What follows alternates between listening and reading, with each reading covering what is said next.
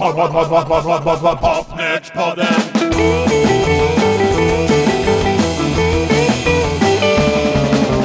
Pod, pod, pod, pod, pod, pod, pod, pod, Popnördspodden!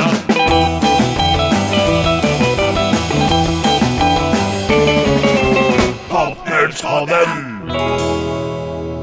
Vår musikaliska resa fortsätter och jag undrar vart Uffe? Ja, vi ska hålla oss kvar i Stockholm en gång till, men vi ska börja det här programmet med någonting som vi knyter an till från förra avsnittet. Som var Jerry Williams. Ja! Och vi pratar ju då om Jerry Williams resa till England i mars 1963, där han gjorde inspelningar med Joe Meek. Och de hade ju inte hört, varken du eller jag. Men sen visade det sig att de har ju faktiskt valsat runt bland de här Joe Meek-samlarna i flera år. Det är bara det att vi visste inte om det. Hur kommer det sig? Hur har de fått tag på de där inspelningarna? Ja, då var det ju en lirare då som har fått tillgång till de här rullbanden och lagt upp lite grejer som de inte riktigt visste vad det var och sånt där. Och sen visade det sig då att en av de här låtarna är med Jerry Williams. En av orsakerna till att jag inte hade märkt något, det var att de hade en annan titel på låten. Okej, och dessutom, ja de klart de visste ju inte vem Jerry Williams var. De kallar låten för The Wonder of Your Love och det sjunger de i den. Men i den här tidningsartikeln från mars 63 i nöjestidningen Höga Nöjet, där står det att låtarna heter Live and Learn och A Fool Like Me. Den här låten sjunger de ju Fool Like Me också, och var det då så att det inte stod vad låten hette på de här tejperna, eller vem artisten var, så har de liksom kanske kallat den för The Wonder of Your Love ändå. Men den lät ju inte riktigt som en färdig inspelning, utan liksom ett halvfärdig testmixing. Och Jomik, han håller på och provar och drar på ekot väldigt, väldigt mycket.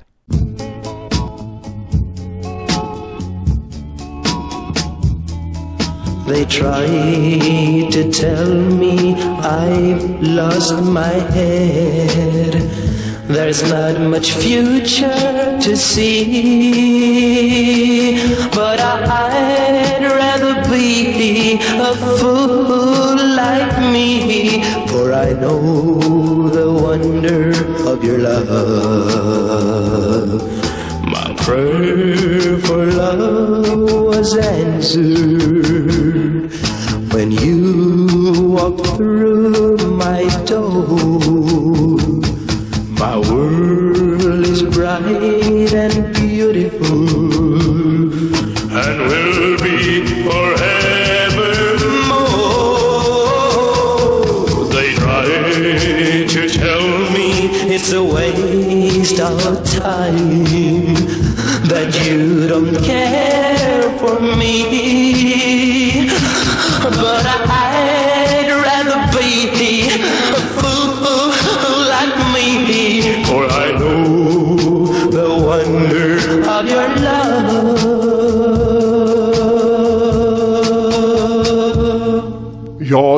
direkt någon John Layton-produktion om man säger så. Nej, om de hade fått höra det här så kanske det var så att de valde och helt enkelt, nej det här kan vi inte göra någonting med.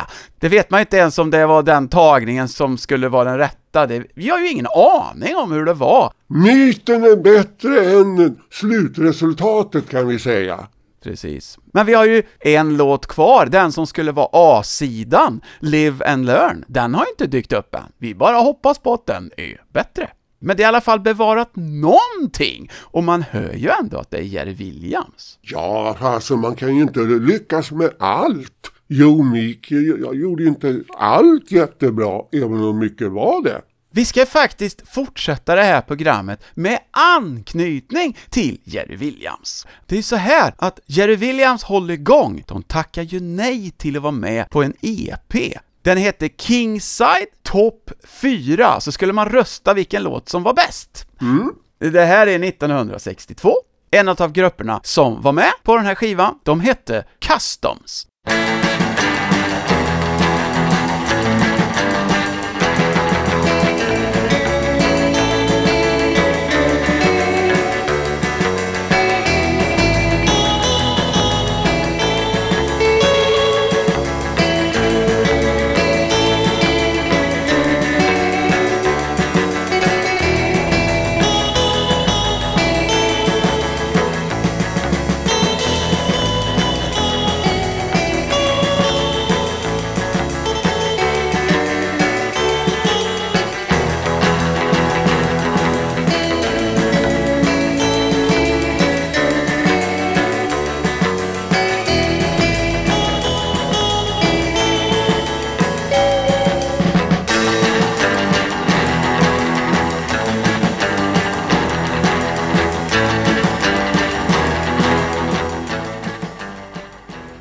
Det är mycket tidstypiskt och om, ja, två år senare var de alla bortsvepta och så satt de där med Beatles-lugg. Ja, det är ju väldigt tråkigt att få gömma undan brylkrämstuben.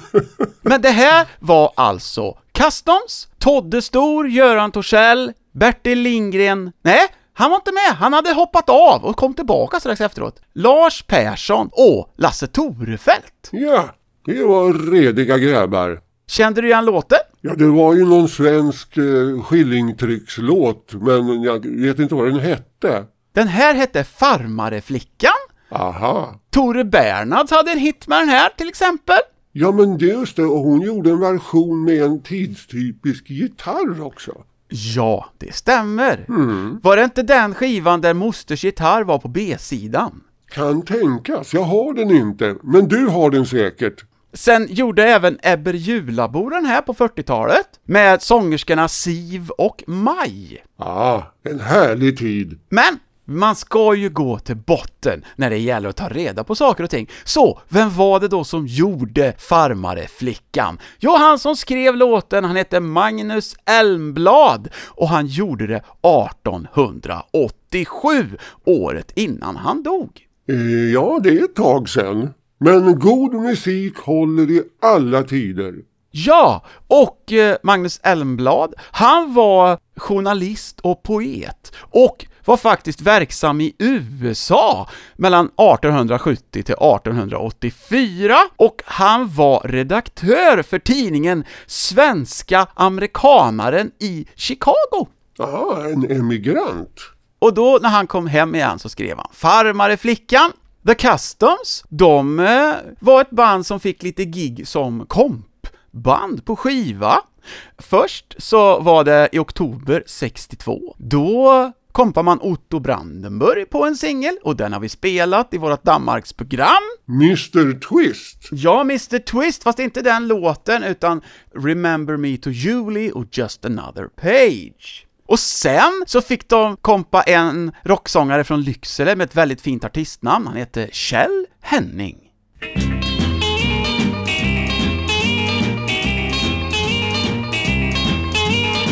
Come and listen to the three guitars. Come and listen to the set of drums. Digs it when we mix it. Come listen and bring your charms. Three guitars and drums. Let's the sound around. What a happy day when the sound was. Three guitars and drums. Three Guitars and Drums. Den här låten kanske är mer känd med Ted and his Top Teams, där Janne Schaffer och Ted Åström var med. Men de var faktiskt tre månader efter Kjell Henning, som gjorde den redan i januari 1963. Ja, vacker gosse också ser jag på omslaget där. Dessutom så fick de kompa Ove Törnqvist på EPn Long Cool Song. Är det före Bröderna Volt då? Det är före Bröderna Volt, men det står inte Customs på skivan, och det här omslaget som är väldigt tjusigt, där Ove sitter bland massa långkalsonger som hänger på tork. Därför heter den Long Cool Song. Naturligtvis. Efter den här skivan som vi spelar nu så hoppar Lasse Torefelt av och han dök upp så småningom med Jerry Williams gamle vapendragare Hasse Östlund i gruppen The Fools. Där ju för övrigt Jerry Williams lillebrorsa Arvid var sångare. Men de har vi redan spelat här i Popnerspodden, de också. Våren 63, då fick de en ny trummis som heter Tommy Tausis, som kom från Coronados. Och han berättade för mig, att jag var bara 17 år då, och det första vi gjorde, vi fick gig med Marianne Nilsson på valborgsmässoafton, och sen gjorde vi 125 gig den sommaren. Det var andra tider då. Det var det helt sjukt! Och så berättar jag också då varför de inte fick stå med som The Customs på Ove Törnqvists EP. För det var så här att det var på vintern de spelade in det och de var ju bara i 17-årsåldern killarna och när de hade ställt upp sina grejer hade inte Ove Thörnqvist kommit till studion än, så då gick de ut och hade snöbollskrig. Jag tror inte så många studiomusiker gjorde det senare, men det gjorde de. Och vad hände då då? Jo, mitt i när de stod och kastade så kom Ove Thörnqvist runt knuten och fick en snöboll mitt i ansiktet. Då blev han ilsk. Kanske faktiskt, för det var så, då står det inte The Customs på skivan, utan det står The Snowballs. Oh, denna skyldige man. Så är det! Och det var ju på Philips, och Philips hade ju en underetikett som hette Fontana, och på Fontana så kom det till slut en singel i Customs eget namn. Vi ska spela den instrumentala baksidan. Det var en låt som Göran Torssell hade knåpat ihop, och jag tycker att det är en av de allra bästa svenska instrumentalkompositionerna från den här eran. Låten heter Livin'.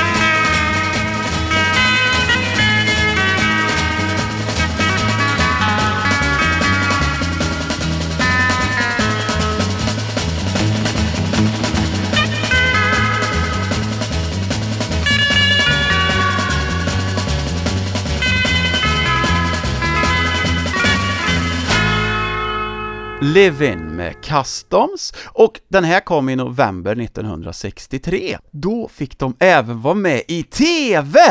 Men de körde inte låtarna från sin nya singel. Vet du varför? Nej, det låter eh, konstigt ja. Har det något med någon eh, strejk att göra? Nej, det var så här att sologitarristen Todde Stor, han var på semester i Spanien hos sin berömde farbror, Yngve Stor. Så då fick de kalla in en vikarie, och det var Janne Schaffer. Okej. Och han hade inte riktigt lärt sig de här låtarna, så då fick de köra någonting som de kunde båda, liksom från båda lägren. Därför så blev det att de fick spela en Shadows-låt i programmet. Tyvärr så pajade Göran Torssells gitarrsladd precis som låten skulle börja, så hans kompisar hörs inte på den här. Men Janne Schaffer och Berra Lindgren som hade kommit tillbaka nu, och Tommy Tausis, de hörs. Round and round.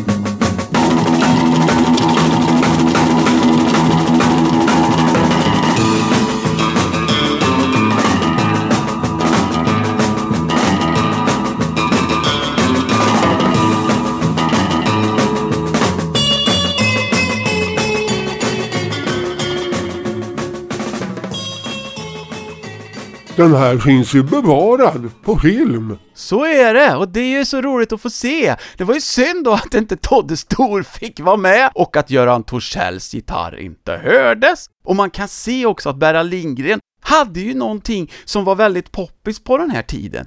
Jättestora bashögtalare. Oj, ja, såna här 30-tummare. Ja, typ så, alltså jättestora. Oftast var det ju hembyggda kabinett och sånt de höll på med. Var det inte det Hegers hade, 30-tummare?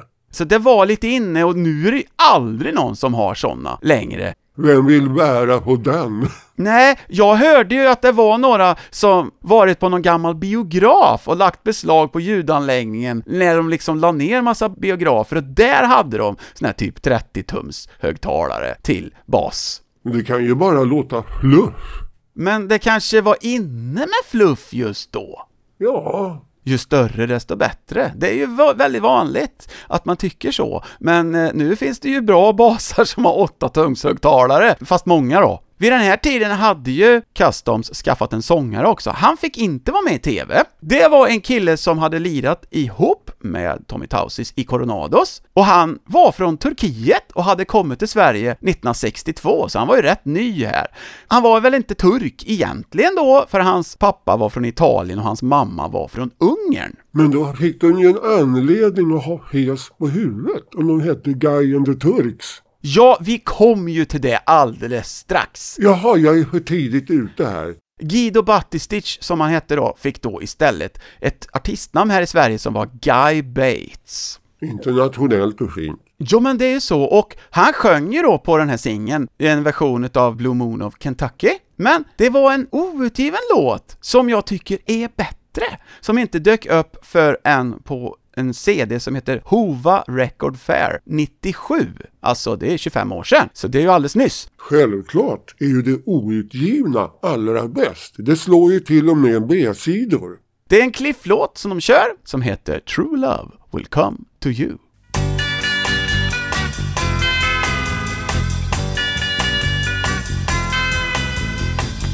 Pretend you're smiling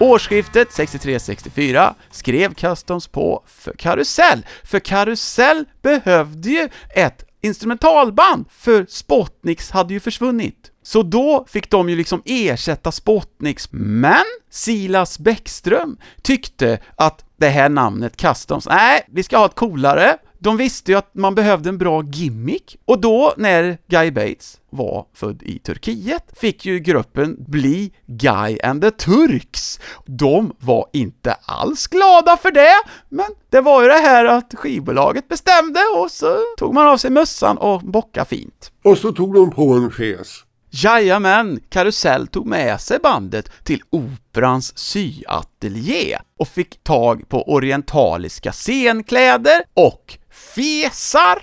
Vad gör man inte för ett skivkontrakt? Guy and the Turks, de fick vara med i Drop-In och körde sin nya singel That's what I want, men den kom inte upp på 10 i topp för att den blev bara 14 på 30 i test. Men det blev i alla fall en EP också, och där fanns den här gamla dängan av Little Richard.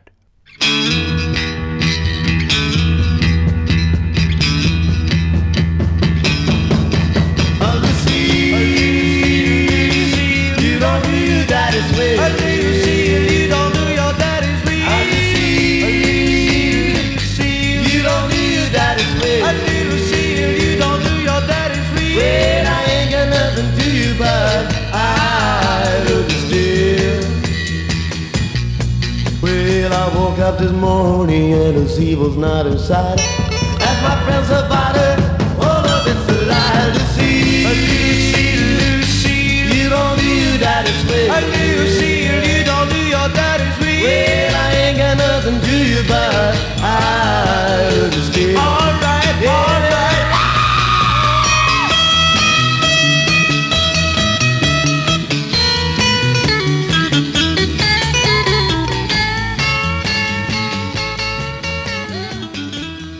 Ja, man kom ju osökt in på tanken hur var det i Turkiet då? Fanns det någon turkisk version på Lucille där? Ja, det är en spännande tanke, Åke! Men eh, Guy and the Turks, helt plötsligt kändes det nog rätt så liksom det där. De utökar bandet med organisten Ingmar Stjärndal och han blev ju strax efteråt popstjärna i Norge. Ja, Pussycats, det var bra band.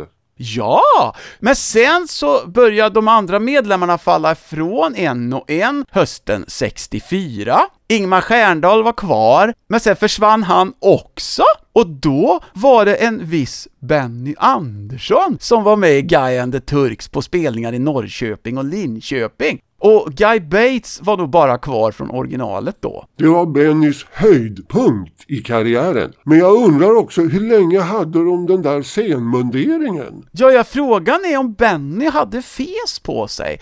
Det skulle ju vara väldigt roligt att se en bild på det. En månad efteråt så gick han med i Hepstars. Och sen vet vi den historien. Ja, vi vet ju den historien. Nu ska vi till ett band som startade i slutet på 50-talet redan. Brännkyrka läroverk. Där fanns det två killar som gick, som hette Åke Eldsäter och Stig Ytterman. De fick höra talas om en norrlänning som hade flyttat in, som hade en riktig elgitarr. Oj, ja, det var inte dåligt på den tiden. Det var inte lätt att köpa elgitarrer 1959, men det fanns delar, så man kunde köpa lösa mikrofoner eller en lös hals och så fick man snickra till kroppen själv. Sånt gick att få tag på. Jo, men jag kommer ihåg även in i 70-talet fanns det vissa saker som bara inte var att gå till en affär och handla. Nej, Om jag nu får nämna mig själv. Jag vill ju ha en 14-tums Gretsch valnötspuka.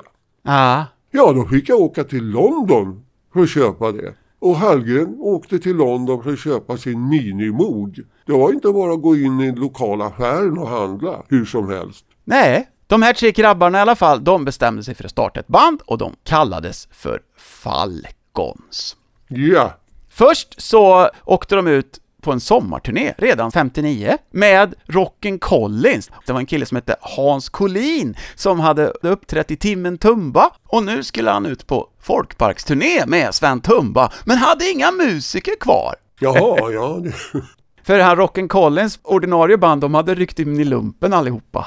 Timmen tummad, det var det program som gällde va? På den tiden. Ja, och det var Sven Tumba som var ju Sveriges största idrottsstjärna då. Men alltså, den här folkparksturnén med Sven Tumba, det var det att han drog roliga historier, för han sjöng ju ingenting. Men efter den här sommarturnén, då fick Lenne Broberg, som var den här norrlänningen då, med en riktig elgitarr, han fick bli sångaren. Och 1960 fick de göra skivdebut som Rocklenne and his Falcons.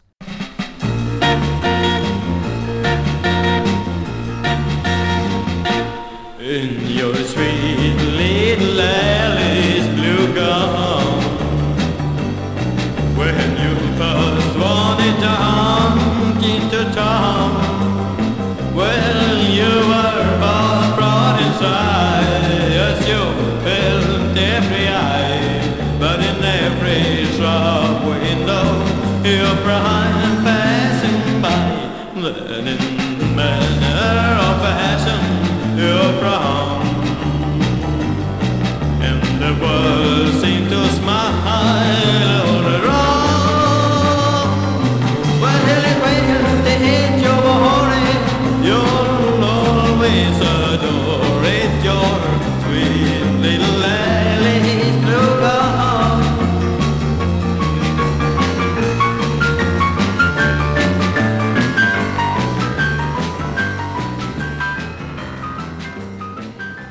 Rock-Lenne and his Falcons med Alice Blue Gown, en gammal dänga från 1920 som i original gjordes av Edith Day.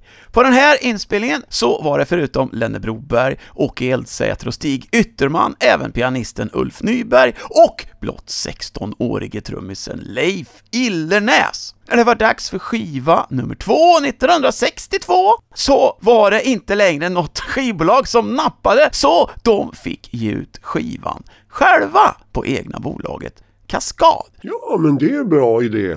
Gör det själv. Men sen vi undrar man ju då om det hade något med TV-programmet Kaskad att göra, för det var ju ett superpopulärt program då, 62, och fick ju faktiskt som första svenska TV-program Guldrosen i Montreux. Åke Falk, va? Åke Falk var producent för detta, så frågan är om Åke Falk har varit med och eh, sponsrat på något vis. Det har ingen sagt någonstans, men det heter alltså Kaskad Records. Detta måste utredas, eller hur Uffe? Ja, vi ska spela i alla fall B-sidan, såklart. A-sidan var Amapola, men Shine är mycket bättre. Just because my hair is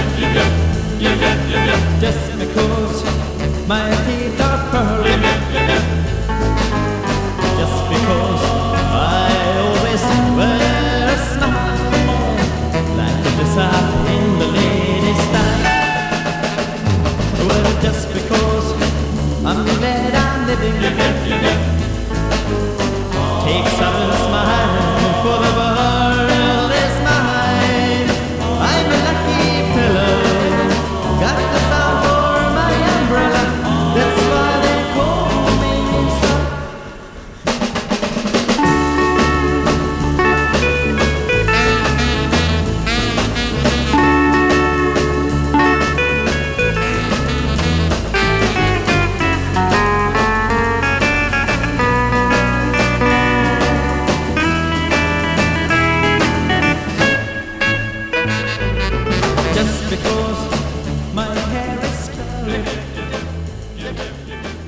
Eftersom du nämner Amapola, var de först eller var Spotniks först med den? Lenne and the Falcons. Deras singel kom i mars, men Spotniks version, den dök inte upp förrän deras första LP kom, och det var i december, alltså nio månader senare. Fast Falcons version var ju med sång. De var alltså Spotniks mer med sin tid, för det var ju sådana tider då. Men vi var och gjorde det här programmet i Göteborg om Spotniks, då körde vi ju en Amapola från 20-talet. Ja, jo, jo, men det var ju en annan variant på den. Jajamän! Den här Shine, den var väl inte superny direkt heller? Den gjordes nämligen eh, av eh, Cecil Mack, Lou Brown och Ford Dabney 1910! Men det var ju en sån tid alltså, man körde ju väldigt mycket så jättegamla låtar. Det var inne. Vi ska väl säga också då att Stig Ytterman som var med och startade, han var inte kvar när de gjorde Shine, och då var det Anders Thelin som spelade gitarr istället. Nu börjar det, det bli många namn här kors och tvärs. Ja, det börjar bli det, och det ska bli lite fler ändå. Och så vet vi ju det att emellan Stig Ytterman och Anders Thelin så spelar ju Benke Bäck gitarr i Falcons. Det får vi inte glömma heller. Mm, det måste göras ett stamträd över detta. Sommaren 62, då fick Lenne and his Falcons ett jobb som kompgrupp åt norrmannen Jan Höjland i Folkparkerna.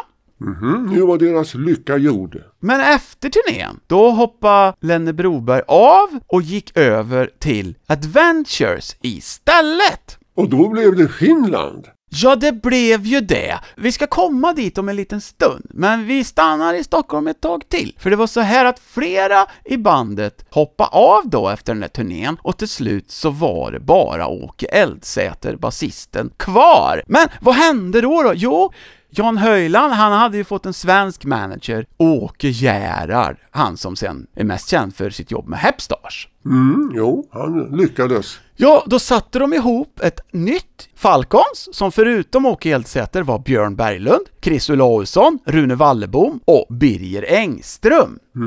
Och de fick chansen att göra en egen skiva på hösten 62. Och den gick ju så bra att den tog sig in på 10 i topp! Och vi känner ju igen den här låten än idag.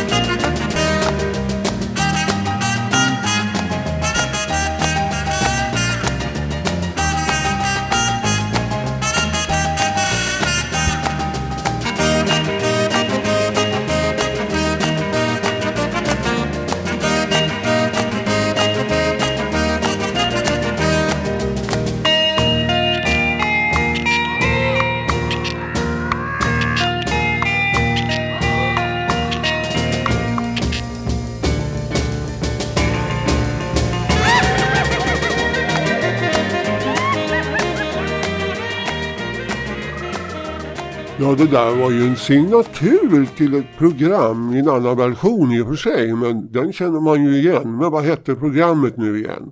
Vi i femman! Ja, den, just. Swinging Safari. Bert Kempfert va?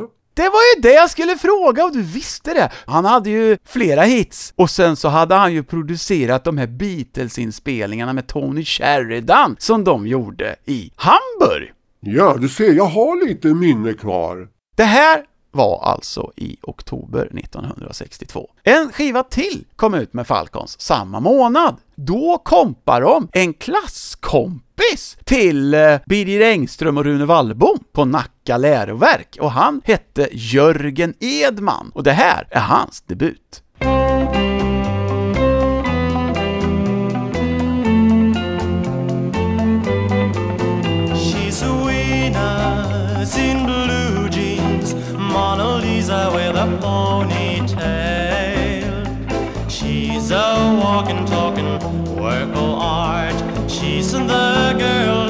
Stole my heart. My Venus in blue jeans is a Cinderella of my heart.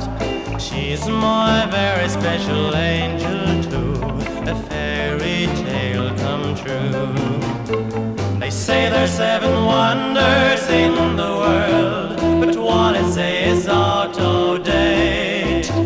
There's no more seven wonders in the world. Just met number eight. My Venus in blue jeans is everything I hoped she'd be. A teenage goddess from a Tänker på Frankie Avalon när jag hör den där. Hette inte den bara Venus? Jo, just det. Det är därför jag tänker på det. Det här var ju Venus in Blue Jeans. Mark Winter, hette han inte så? Engelska? Jo då, fast det var ju en amerikansk låt och han som hade hitten där, han hette Jimmy Clanton och båda var från 1962, precis som Jörgen Edman. Han hade faktiskt varit med och körat på den där kaskadsingen med det gamla Falcons och var klasskompis med de nya Falcons, så att det finns connections lite fram och tillbaka. Sen gjorde inte han så mycket mer rock. Ja, lite snäll söt pop. 16 låtar hade han på Svensktoppen i alla fall och till exempel då en duett med Agneta Fältskog. Hans sista singel på 60-talet, då kompades han av Blond. Jaha, vart han rockig då? Nej, det är mer en svulstig ballad med stråkar och kör. Det är inte ens gitarr på den, utan Björn Linder spelar piano på Jag vill leva. Dessutom så står det faktiskt inte Blond på etiketten, utan det står Sven-Olof Waldorfs orkester. Minsann. Så var det en sak till som var lite intressant tycker jag. Ungefär samtidigt som Venus in Blue Jeans gavs ut, då var Jörgen Edman i Israel med Glenners, som var en sånggrupp som startades av en amerikan som hette Glenn Burgess, som hade varit med i Golden Gate Quartet. Ja, det är ju fina grejer. Ja, och det var ju även Bob Asklöv med i Glenners också. Tjusiga unga män. 1964 började Jörgen Edman sjunga med Beatmakers och därefter inledde han ett långt samarbete med dansbandet Polarna. Men åter till Falcons, bandet då som hade en hit med Swinging Safari. Vi ska spela efterföljaren, det är såklart B-sidan, Lonely Ride.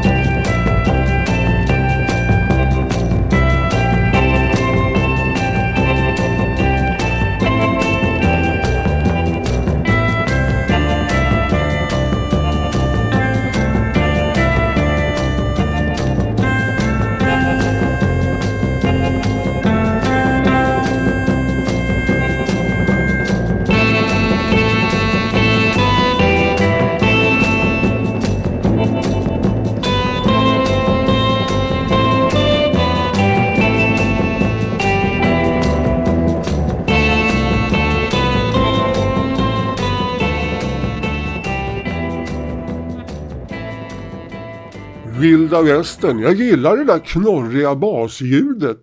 Det är ju Åke Eldsäter och han var ju en blivande studiotekniker sen, så att han var väl intresserad av bra ljud redan 1963 som det här var. Jajamän. Den här låten gick ju så pass bra att den tog sig vidare från 30 test till förtesten för 10 topp, men hamnade där som 16 låt bland de 20 som spelades i förtesten, så den kom inte med i själva programmet, men nära var det. Och där avgjordes deras öde. Livet är hårt. Och sen var det ju så här också då, efter Swingin' Safari så fick de i alla fall mycket gig på egen hand. Och då skar sig samarbetet med Jan Höjland.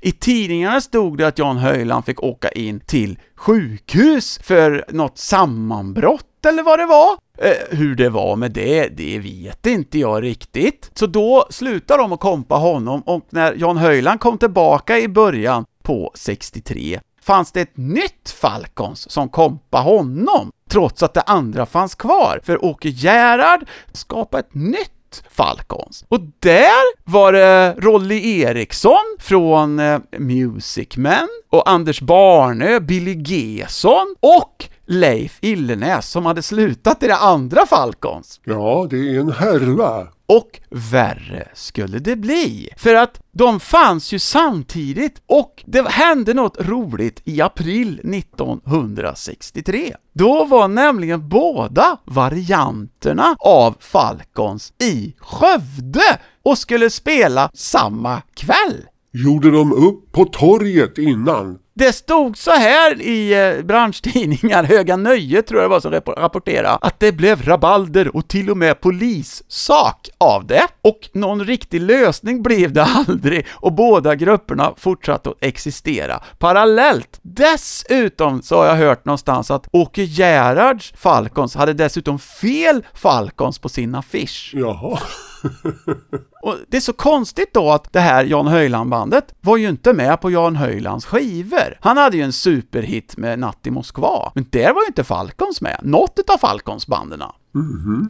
Vi kanske ska nämna då att eh, Åke Eldsäters Falcon, som gjorde tre instrumentalsinglar, de gjorde även en EP på Jump In, som kom i slutet på 1963, när gruppen redan var upplöst mer eller mindre. Då sjöng de, men den är inte så himla bra, så vi hoppar den. Och sen upplöstes nog även det andra Falcon, som kom på Jan Höjland, Och då fanns det ingenting att bråka om längre. Nej, men sommaren 64, då skulle Jan Höjland och The Falcons ut i folkparkerna igen. Så nu fick det bli ett helt annat Falcons. Då fick han med folk ifrån Uppsala, från Mavericks och Nashman.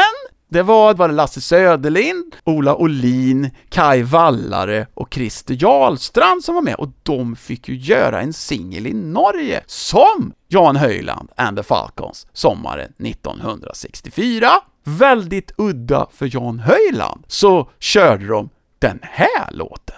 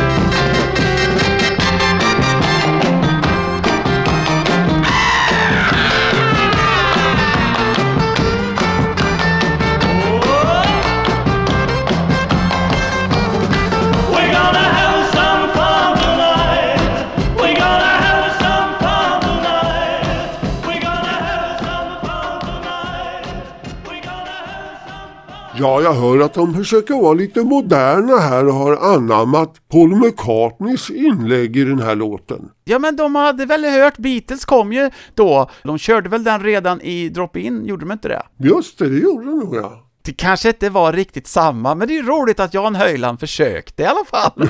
Han försökte hänga med och det tycker jag man ska ja, vara glad för. Ja, Ola Olin då, organisten, han hade ju varit med i Nashman. Han slutade sen och då blev han ersatt av Todde Stor från Guy and the Turks. Ett eh, kliv uppåt på karriärstegen. Ja, man vet inte, så där har vi en till liksom korsbefruktning mellan de här banden. Men sen så upplöstes det här i alla fall, och Lasse Söderlind och Christer Jarlstrand, de hade ju varit med i Mavericks och Beat Incorporated, och Christer Jarlstrand hamnade ju sen i eh, Maniacs. Mm, då är vi inne i Beat-eran ordentligt. Och sen så hade Ola Olin och eh, Lasse Söderlind spelat i Kids också som kompa Alma Kogan i folkparkerna. Mm, hon var bra. Hon dog ju bara typ någon månad eller två efter hon hade varit i Sverige i folkparken och turnerat. I leukemi. Ja, fy vad hemskt. Men jag kommer ihåg ens de där Snakes and Puppy Dogs Tales och Just Once More. Bra låtar. Sen var det höst och vinter 64. Då kom det femte Falcons. Där har jag inte alla medlemmarna, men jag vet att Dennis Wilhelmsson var med och spelade orgel och enbente trummisen Per-Anders Fröding var med. Merriman alltså. Nej, Fröding är inte Merriman. Fröding spelar i Dynamite Brass. Merrimans trummis, Budda Berg, han var aldrig med i Falcons i alla fall vad jag vet. Och Dennis Wilhelmsson, han hade ju, precis som Ingmar Stjärndal, som spelar i Guy and the Turks, varit med i Pussycats ett tag. Jaha, ja. Så det fanns lite så här senare upplagor av Pussycats, eller kanske tidigare då? Inkan Stjärndal, han var med och hoppade av, då kom Dennis in och så hoppade Inkan tillbaka. Oj, oj, oj, det här är komplicerat. Ja, men det är roligt! För sommaren 65 skulle ju Jan Höjland göra en ny folkparksturné. Och då kom det sjätte Falcons igång. Ja, fattas bara. Ja, det var ett band från Stockholm som hette Themes, som blev stommen i det sjätte Falcons. Det var Lillen Larsson och Dennis Wilhelmsson igen, och Janne Ersson, plus två till, Ingmar Persson och Hans Englund, som var det nya Falcons. Det var en utav medlemmarna i Themes som inte hängde på, och det var Sten Plutten Larsson. Han hade annat på gång. Han var ju senare med i Outsiders. Jag undrar hur många tror det hänger med i det här resonemanget? Ja men alltså det här är ju glasklart, är det inte Åke? Ja, självfallet är det det. För en popnörd. Och viktigt. Ja, oerhört viktigt. Det är intressant med det här Themes då, det var ju det att de hade ju både en Lillen Larsson och en Plutten Larsson i samma band. Det är ju kul. Men då hände ju något intressant där. Åke Gerhard gav ju ut två singlar sommaren 65 med det här sjätte Falcons på Olga. Den ena utav dem kom ut lite grann, alltså det är Someday och You better move on. Den ser man lite då och då, men den andra av dem, den ser man aldrig, så den blev nog förmodligen indragen. Men jag har i alla fall fått tag på hur den lät, så då ska vi spela den, och där får man höra hur trummisen Janne Ersson verkligen går loss på virvlarna i bästa Tommy Tausis-stil. Och det är Ingemar Persson som sjunger, och låten heter When My Dreamboat Comes Home.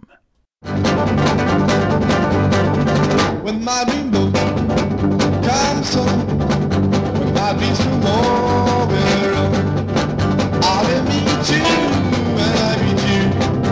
my dreams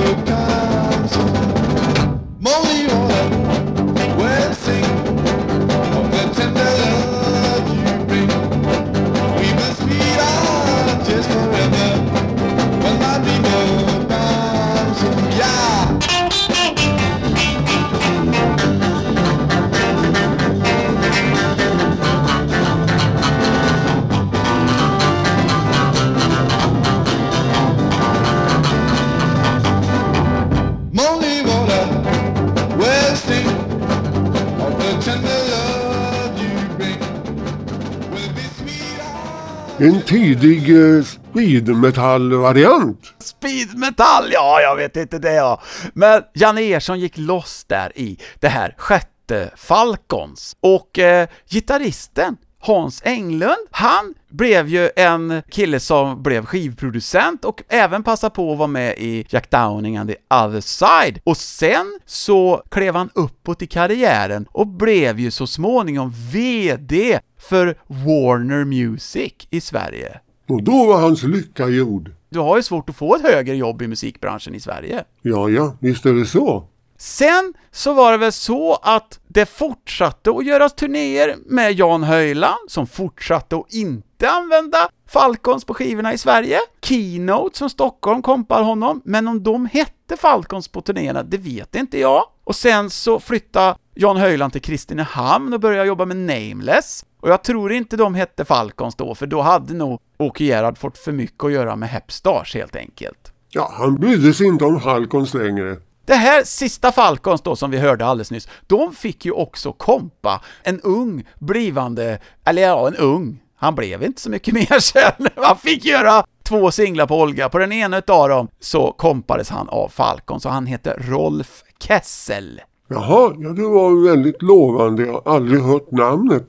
Nej, det blir så där man får chansen och sen så händer ingenting. Men du, det var ju väldigt glasklart allting där om Falcons. Då går vi till det bandet som Lenne Broberg hoppade med i sommaren 62.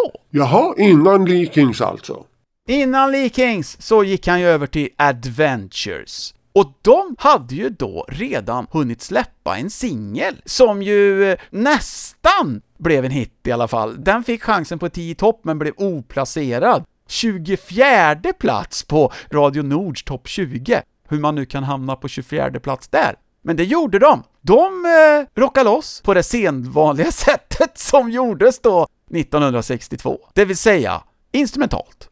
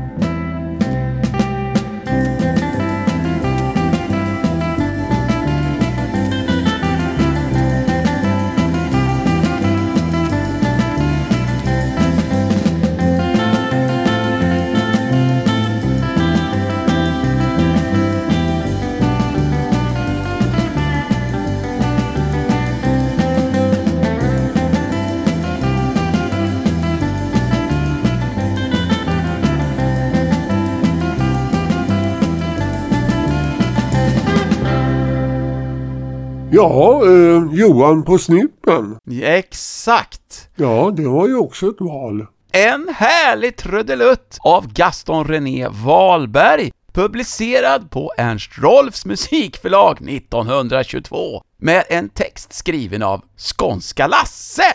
Det här var alltså Bill Samuelsson, Jörgen Pettersson, Kenneth Kålström och Björn Wallin. Sen skedde ett antal medlemsbyten. Kenneth Kålström gick över till Hans Edlers band Ghost Riders, då kom Hasse Persson in, och sen kom Lenne Broberg in. Då åkte de till Finland, för de hade redan varit i Finland två gånger innan Lenne kom med. Det gick bra, så eh, de ville ha tillbaka Adventures igen, men då kunde inte de andra i Adventures, men då fick Lenne Broberg och Hasse Persson låna namnet och åka dit med andra musiker till Finland. Och det gick ju så himla bra, så att eh, typ eh, Lenne Broberg blev kvar i Finland i nio månader. Men under tiden så fortsatte ju Adventures på hemmaplan, och de gjorde en singel till 1964, Hasse Wallman och Håkan Sterner skulle lansera dansen Honky Tonk. Ja, just det, den kommer jag ihåg ja. Dansen blev väl ingen större hit och skivan mindre så.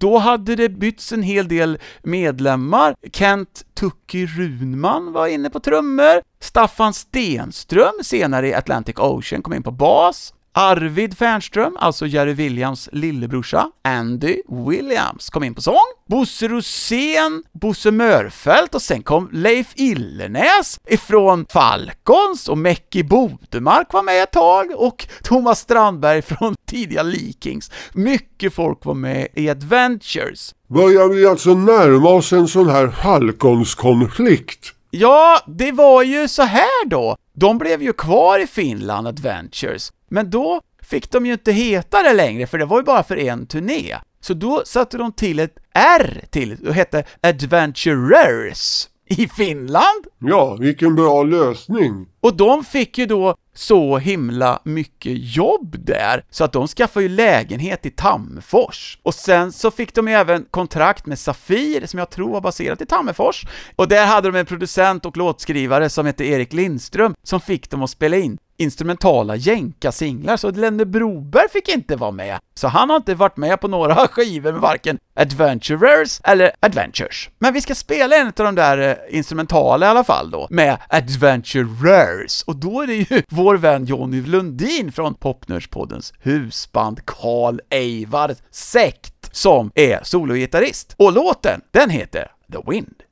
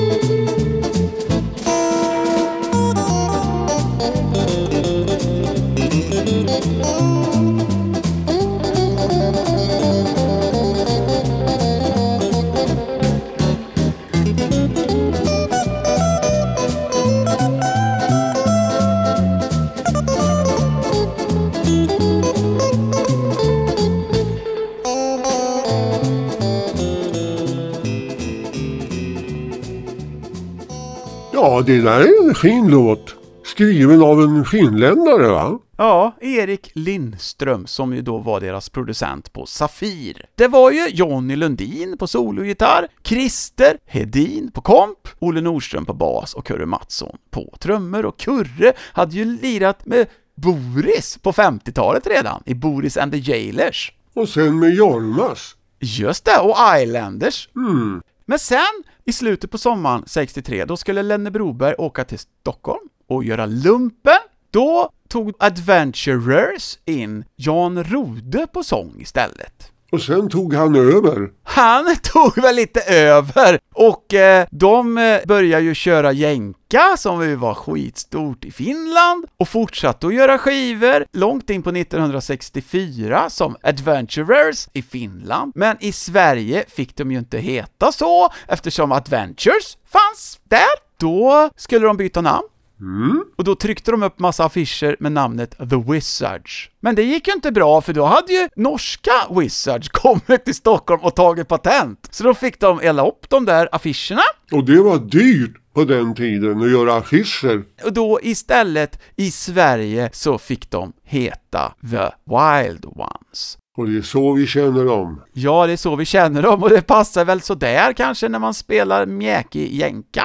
Men Wild Ones fick de vara, och eh, den första skivan som gjordes i Sverige, det var en som hette Everyday, och den gick ju ganska bra. Den var sjua på 30 test, men i förtesten så gjorde den att den hamnade liksom på 18 plats då i tidtopp. Men jag ska spela B-sidan istället. Det var en låt som de kanske redan hade fått ut i Finland som Adventurers, men eh, den är ju trevlig den här. Och vi nämnde den i förra programmet. Det är en ny dans de ska försöka lansera efter jänkan här nu. Och eh, med Beatles har slaget så tyckte de att nu ska vi väl ha en dans som heter The Mercy Beat.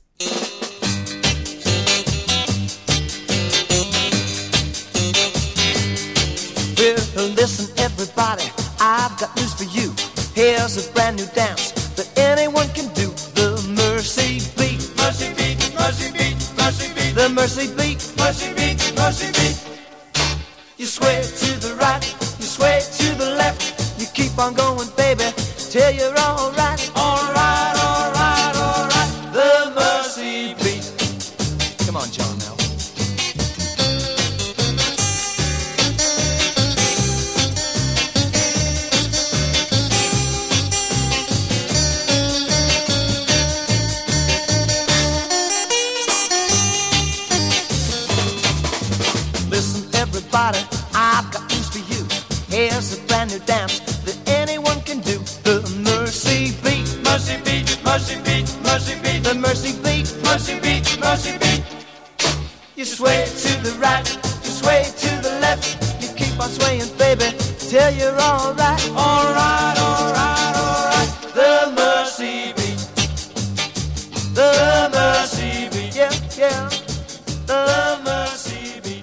den där Common Shake-LPn, den tycker jag är bra. Men det är ett helt annat band som spelar på den. Ja, så är det inte dem? Är det inte Johnny? Jo då, men inget av de andra, knappt. Okej, men den är i alla fall bra. Den var bra, men det här var ju då alltså The Mercy Beat som kom i november 63, B-sida till Everyday. Johnny har ju berättat för mig att när de spelade in Everyday, det var bara ett 3-4 dagar efter att Beatles hade spelat i Eskilstuna. Och då skulle delar av bandet åka dit och titta. Och Olle Nordström, basisten, han eh, körde om i en skymd kurva, fick möte och krockade och två damer i den andra bilen dog. Och han blev ganska illa skadad och även de andra i bandet, så Olle och trummisen Curry Mattsson kunde inte vara med på inspelningen då, som skulle göras fyra dagar senare, eller vad det var. Så då fick de kalla in Douglas Westlund och Bernt Fristedt ifrån G-Men, som jag tror de var med i då. Och senare hamnade ju de båda två i Telstars. Och sen var det bekymmer för Olle Nordström, basisten, och Curry Mattsson sen. Så småningom så blev det ju så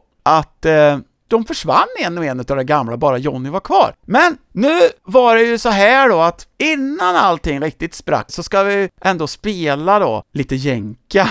Klart vi ska ha en jänka. Ja, där hade de ju då en stor hit i Finland med Doing the Jänka.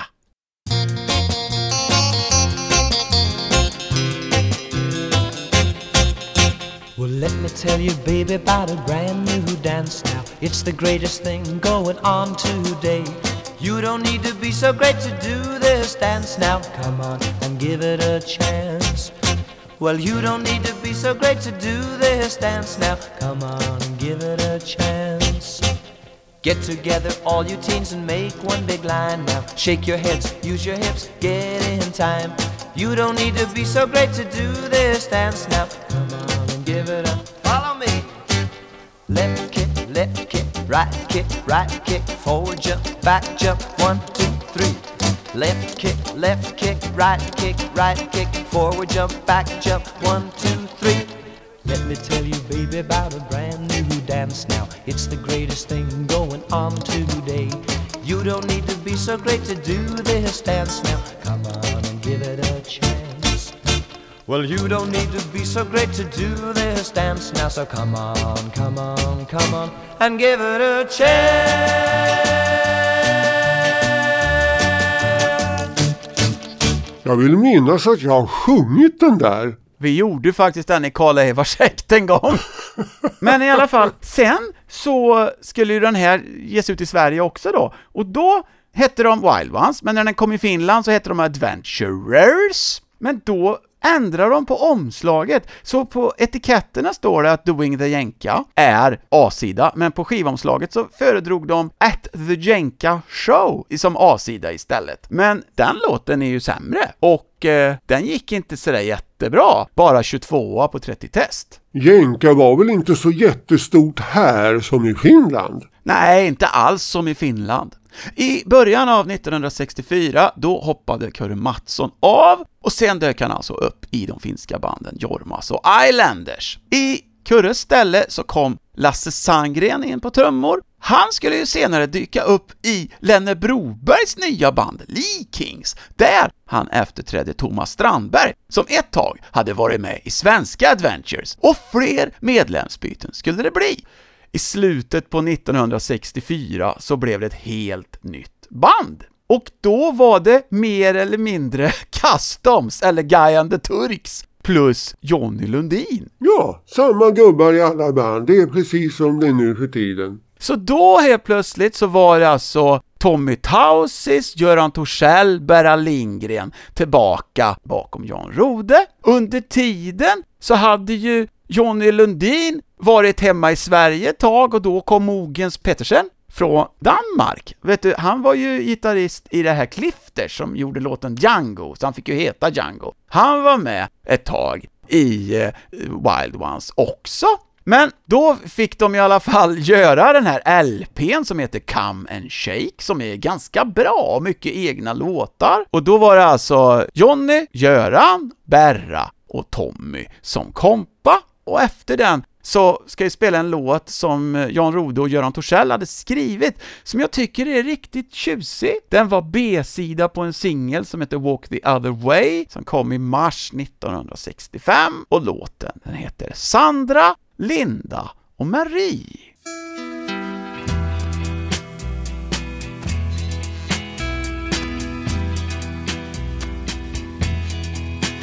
I'll spell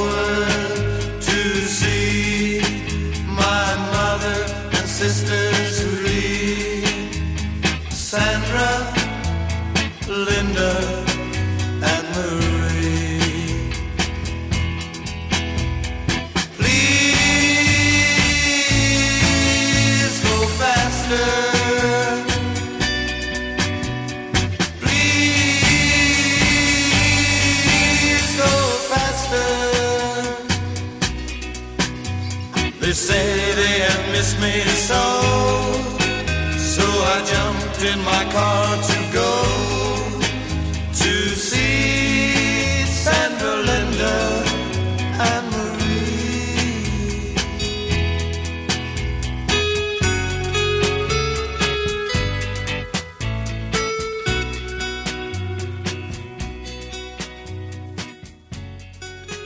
Du visade mig din jänkarkollektion där uppe. Men har du inte LPn? Play Let Kiss? Ja, härligt. Där är den. Och där är den. Come and Shake. Ja, det är komplett. Nu kan jag tro på livet igen Uffe. Och sen så hoppar de av ibland. Eh, Jonny var borta och kom tillbaka flera gånger. Det gjorde de andra också, så det är lite rörigt att hoppa in. Ett tag var Kit Sundqvist med, men när han gick över till Shanes så kom Jonny tillbaka till Wild Ones. Då kom han från eh, Violence, när han var med där ett tag. Och sen så kompar ju Wild Ones Jerry Williams också på lite inspelningar som vi spelade förra gången. Och då var det så att det blev lite tid över. De fick 10 minuter över på en session med Jerry Williams och då han Wild Ones spela in två låtar på 10 minuter. Ja, ja, det gick undan. Jajamän! Och här är de med Leave My Woman Alone.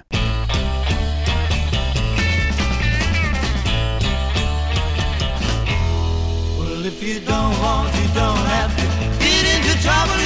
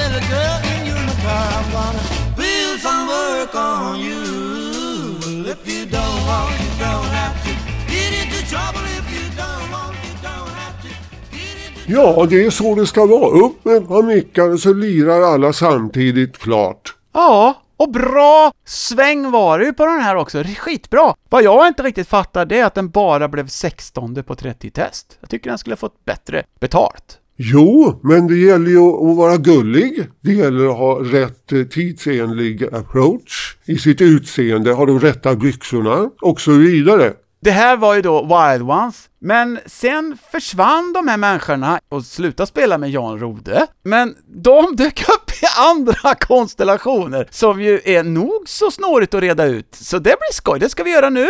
Johnny Lundin hade ju åkt hem 64 och startat ett band som heter The Original Sound tillsammans med Tommy Tausis och Bernt Liljegren som ju spelar i Maniacs sen. Och sen hade de fått med Guy Bates där, men precis när han skulle börja, då åkte Tommy Tausis och Johnny Lundin tillbaka till Finland för att spela med Jan Rode igen. Och sen så var det så att eh, Berra Lindgren ryckte in i lumpen och, och, och eh, även Göran Torssell åkte hem för att göra lumpen, tror jag. Och sen fick Göran Torssell göra soloinspelning i Sverige, kompad av mer eller mindre Wild Ones och Johnny Lundins nya band, The Best. Det var liksom lite svårt att veta vem som var vem, de bytte namn lite fram och tillbaka och medlemmar lite fram och tillbaka också. Men det roliga är ju Göran Torssells namn som soloartist. Vet du vad det var? Nej, Det är ju det självklara. Heter du Göran Torssell, då tar du ju såklart namnet Otto den fjärde junior. ja det är klart man gör. Yesterday, all my troubles seem so far away. Now it looks as though they're here to stay. Oh, I believe in yesterday. Suddenly, I'm not half the man I used to be. There's a shadow hanging over me, and yesterday came suddenly.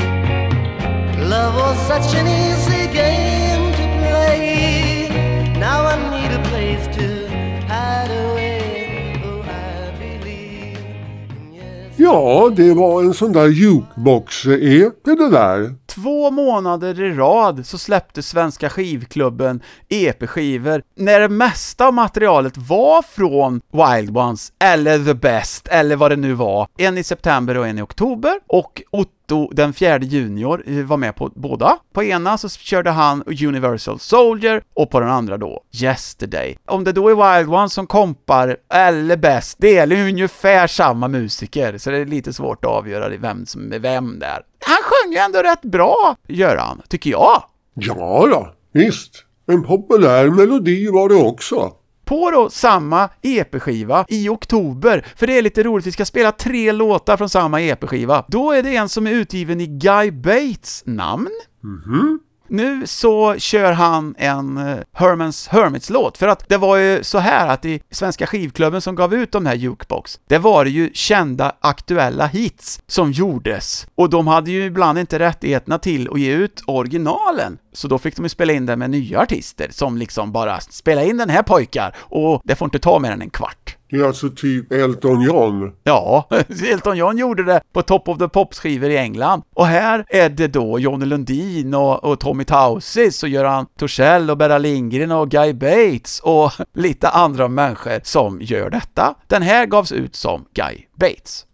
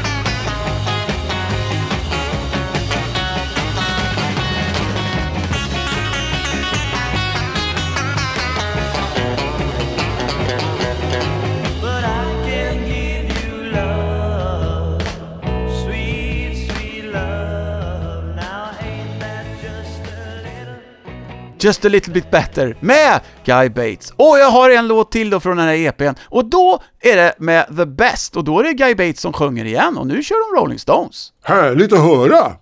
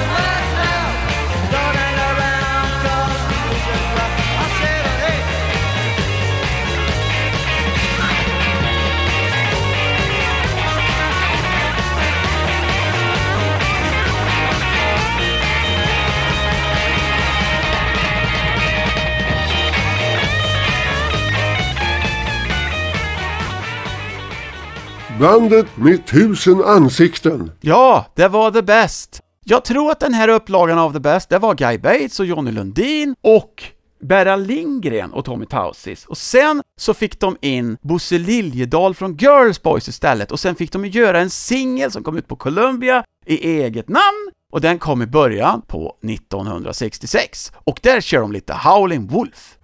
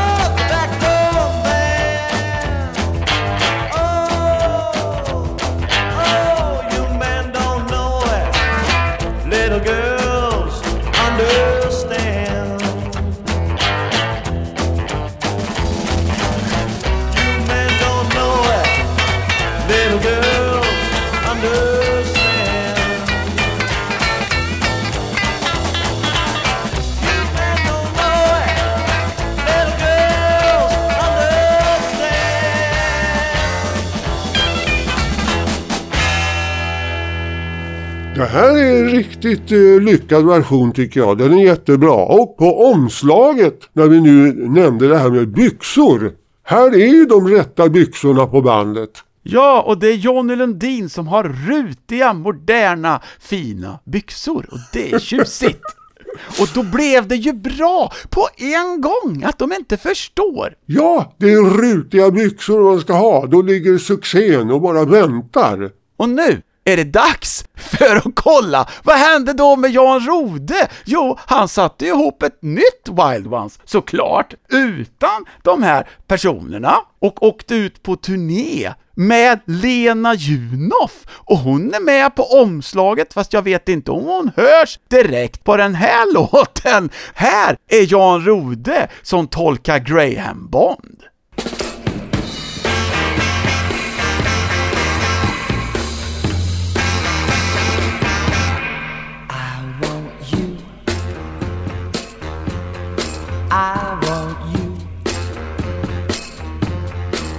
Will nobody, nobody else will do.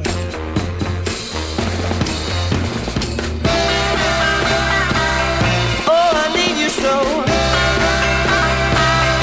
Never let you go. Oh, cause I want you.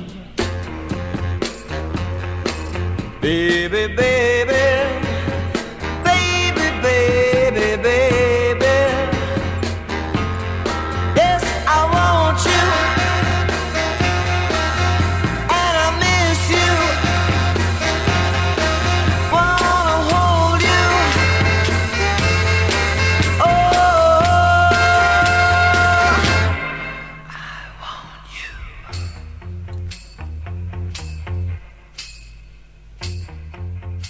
Det gjordes alltså två covers av svenska band av denna något obskyra låt från England. Ja, med Graham Bond Organization. Det var ju Ginger Baker och Jack Bruce. De skulle ju gå vidare till Cream. Och det var ju T-Bones som gjorde den andra versionen då, med Kenny Håkansson. Och där byttes det ju namn också sen. Kenny Håkansson och Pelle, eh, trumslagaren, de var ju med när de bytte sen till Baby Grandmothers och sen bytte till Mackie Markman och sen bytte till Kebnekaise, så där byttes det också namn. Ja, hur ska man kunna hålla ordning på allt det här? Det krävs en Uffe till det. Vilka var det då som var med i den här upplagan av Jan Rode and the Wild Ones? Alltså, Berra Lindgren är med på omslaget, så det kan vara han, men även Bosse Liljedahl var med, så det kan vara han också, alltså från The Best. Sen var det Todd Stor från Guy and the Turks och Customs, Göran Ramberg som spelar i Slims Blues Gang, Sten Bergman som spelar Atlantic Ocean och Fläsket brinner, Christer Jarlstrand som ju vi har spelat redan idag, men som annars spelar med mig Maniacs och Nashman. Man lirar där giggen finns, helt enkelt. Så är det ju! Det här var ju 66. Faktiskt så var det så att de lät Todde Stor sjunga på B-sidan Look Away. Det är ju lite kul. Sen kom Göran Torssell tillbaks till Jan Rode och de började skriva låtar ihop. De gjorde en singel som eh, kom ut på svenska. Den hette Jag bara går och bara för dig som duon Jan och Göran. Men vad jag har här, det är ju en demo när de kör Bara för dig på engelska. Så då kör vi den såklart. Just for you.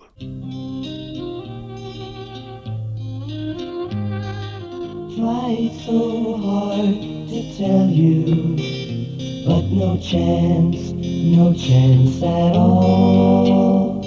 'Cause every time I call you on the phone, you're not home. How can I tell you that I am the one who loves you?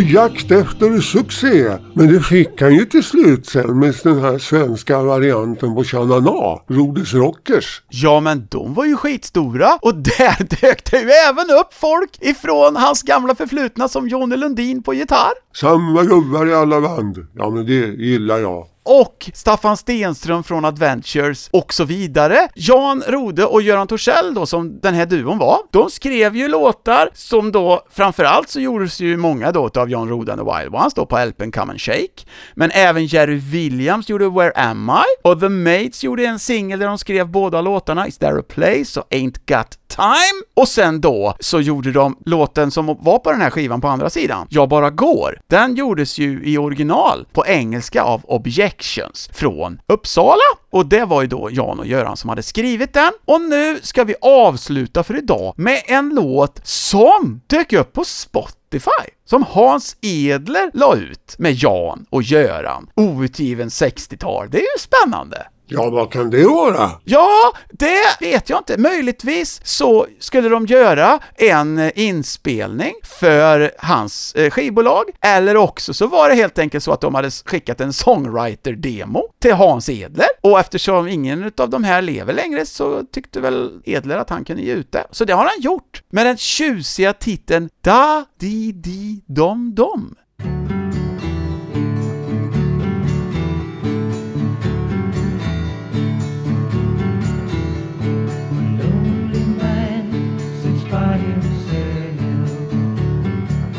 Thinking about life and what he's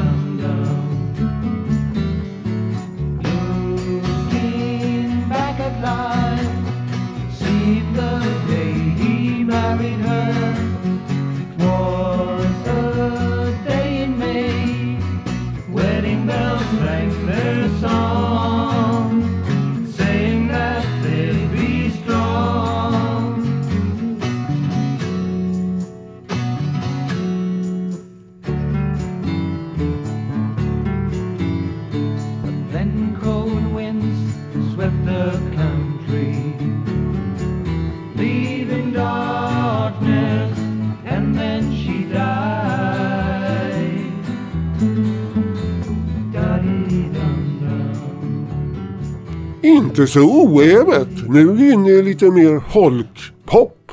Simon Garfunkel-anda. Och det är jättekul att han gav ut den här, för det här tycker jag är bra. Och den andra låten var en version utav en som de hade gett The Maids, Is There A Place. De här två låtarna dök upp på en Edler-samling med massa outgivet gammalt material som är rätt spännande. Ja, jag tror faktiskt nu att den här oerhörda härvan som vi har hållit i idag kan ju ge en underrubrik till det här programmet som jag tror blir någonting som världsrekord i röriga medlemsbyten. Vad säger du om det, Åke?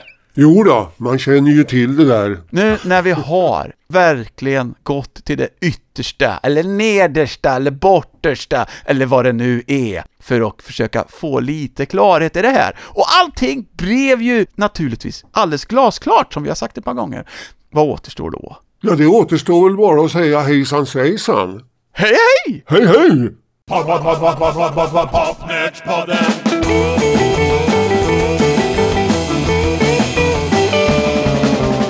pop, pop, pop, pop, pop, pop, pop, pop, pop, Nerdpodden!